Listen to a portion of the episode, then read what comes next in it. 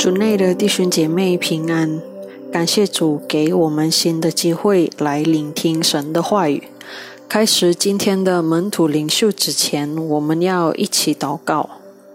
我们在天上的父，感谢你赐给我们的机会来思考神的话语。求主帮助我们能够专心在听，也求圣灵带领我们在聆听的过程能够明白。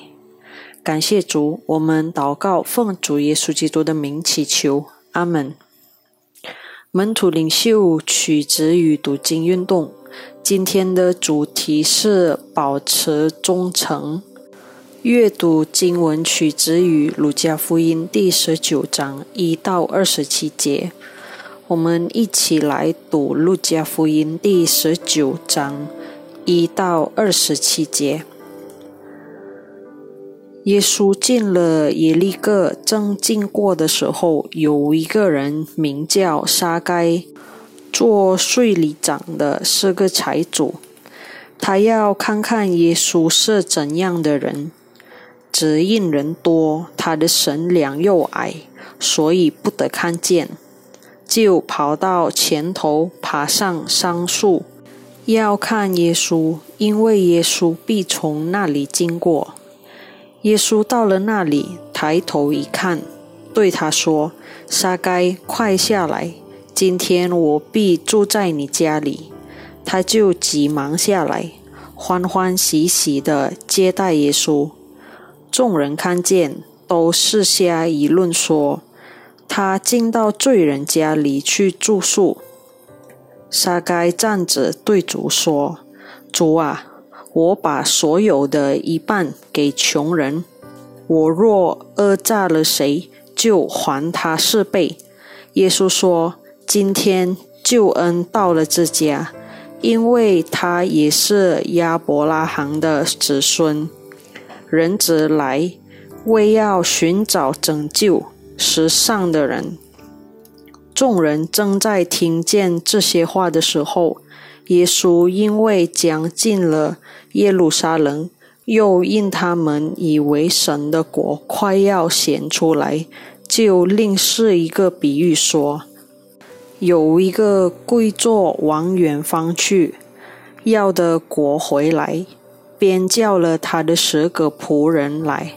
交给他们十锭银子，说：“你们去做生意，只等我回来。”他本国的人却恨他，打法师者睡后去，说：“我们不愿意这个人做我们的王。”他记得果回来，就吩咐叫那领银子的仆人来，要知道他们做生意赚了多少。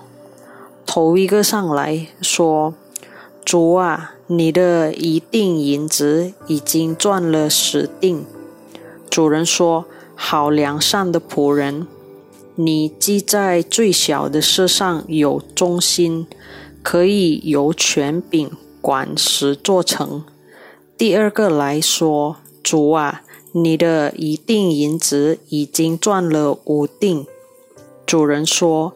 你也可以管五座城。又有一个来说：“主啊，看呐，你的一锭银子在这里，我把它包在手巾里存着。我愿是怕你，因为你是严厉的人，没有放下的还要去拿，没有种下的还要去收。”主人对他说：“你这恶仆！”我要凭你的口定你的罪。你只知道我是严厉的人，没有放下的还要去拿，没有种下的还要去收。为什么不把我的影子交给银行，等我来的时候，连本带利都可以要回来呢？就对旁边站着的人说。躲过他这一定来，给那有十定的。他们说：“主啊，他已经有十定了。”主人说：“我告诉你们，凡有的还要加给他，没有的，连他所有的也要夺过来。至于我那些仇敌，不要我做他们王的，把他们拉来，在我面前杀了吧。在一间坐满学生的教室里，副教授突然宣布班主任来不了，并要求学生们在教室里做课本的习题。大多数学生不想做作业，因为他们认为班主任不可能来，而且做作业也不会提交。他们就开始玩游戏，边吃零食边聊天。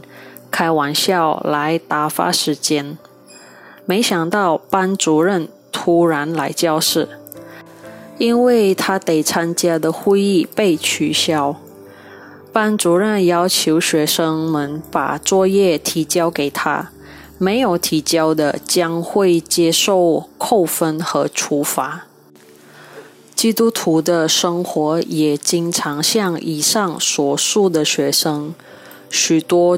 基督徒不在乎上帝所赐下的命令，他们认为那看不见的上帝不会注意，或者若我们不执行上帝的命令，上帝将会原谅他们。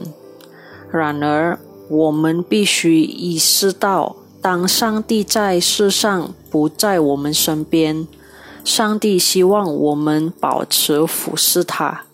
因为耶稣必定再来，上帝通过一千银币的比喻教导我们，就是有一位贵族往远方去，要接受王位，那位贵族就叫了自己的十个仆人来，给他们一人一百银币，让他们用这笔钱做生意。一百银币等于一百天的工资，或四个月的工资。一周是六天工作日。